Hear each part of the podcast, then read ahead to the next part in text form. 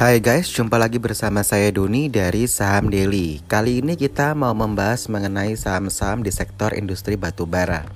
Seperti teman-teman ketahui bahwa sentimen negatif ini mulai dari isu lingkungan, domestic market obligation atau DMO, lalu berkurangnya konsumsi batubara di Cina dan munculnya energi terbarukan atau kita bilang green energy ini tentu berdampak bagi sektor industri batubara. Kalau kita lihat di Amerika sendiri maupun di negara-negara Eropa sudah tidak lagi menggunakan batu bara karena dampaknya bagi lingkungan ya. Namun mereka sudah beralih ke sumber energi seperti nuklir, sinar surya dan angin.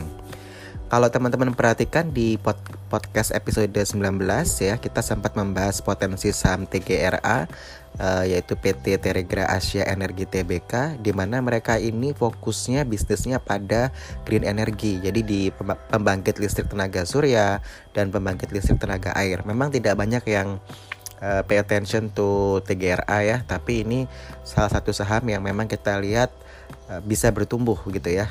Potensinya itu makin besar karena isu lingkungan ini juga menjadi isu global ya. Jadi kalau teman-teman perhatikan uh, tidak banyak pemain uh, yang masuk ke green energy. Dan salah satunya TGRA ini yang kita anggap sebagai apa ya kayak saham yang memang nggak banyak yang lirik tapi potensinya besar begitu. Jadi kalau teman-teman mau invest di TGRA bisa dilakukan nah kalau di Indonesia sendiri batu bara ini masih menjadi sumber energi termurah karena jumlahnya yang melimpah ya stok kita melimpah begitu.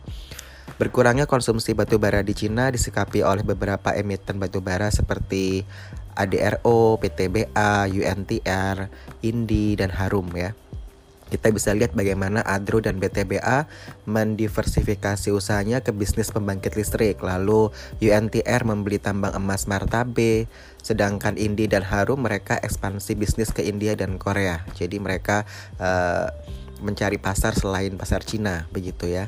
Dan kalau kita melihat uh, industri listrik ya di mana PLN sebagai konsumer terbesar batu bara di Indonesia sebab kan uh, pembangkit listrik pembangkit listriknya PLN tuh masih menggunakan batu bara ya mayoritasnya.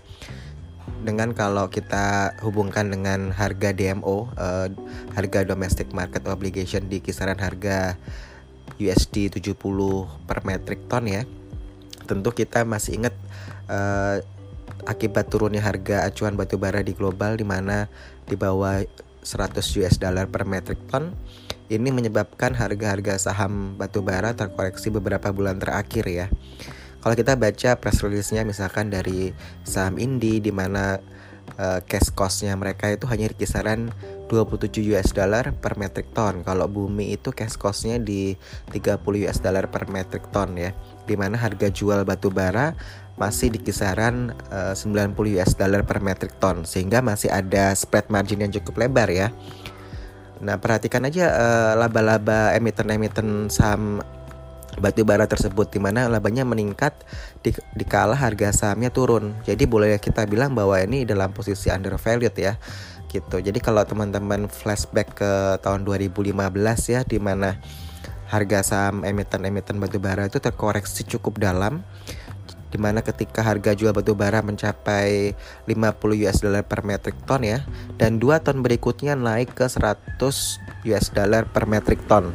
Yang kita bilang bahwa harga saham juga kembali rebound ya uh, bahkan mencapai multi bagger nah yang kita tidak bisa hindari atau kita tidak bisa lupakan bahwa uh, saham-saham batu bara ini merupakan saham sil silikal ya yang bergerak dalam satu siklus di mana ditentukan oleh supply and demand yang menggerakkan harga acuan global.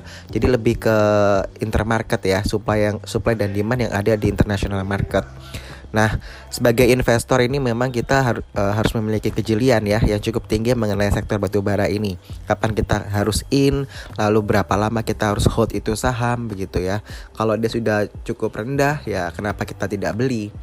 Ya kan karena memang uh, kalau kita lihat intermarket lagi down, permintaan Cina turun, tapi kita juga tidak bisa menutup mata bahwa pembangkit listriknya PLN mayoritasnya pakai masih masih pakai batu bara sedangkan pengembangan green energy yang pembangkit listrik tenaga air, tenaga angin, uh, tenaga uh, sinar sinar surya itu masih belum terlalu dikembangkan begitu. Jadi mungkin masih uh, jauh ya kita bisa mencapai penggunaan pembangkit listrik pembangkit listrik tenaga air uh, surya lalu angin ya. Jadi memang sudah dibangun tetapi mungkin tidak terlalu banyak, masih terlalu kecil bila dibandingkan dengan pembangkit listrik yang tenaganya menggunakan batu bara energinya ya. Jadi ini menjawab pertanyaan teman-teman di Instagram kita Saham Daily maupun di WA group atau di email ya. Biasanya banyak teman-teman yang nanya mengenai uh, sektor industri batu bara ini. Jadi semoga ini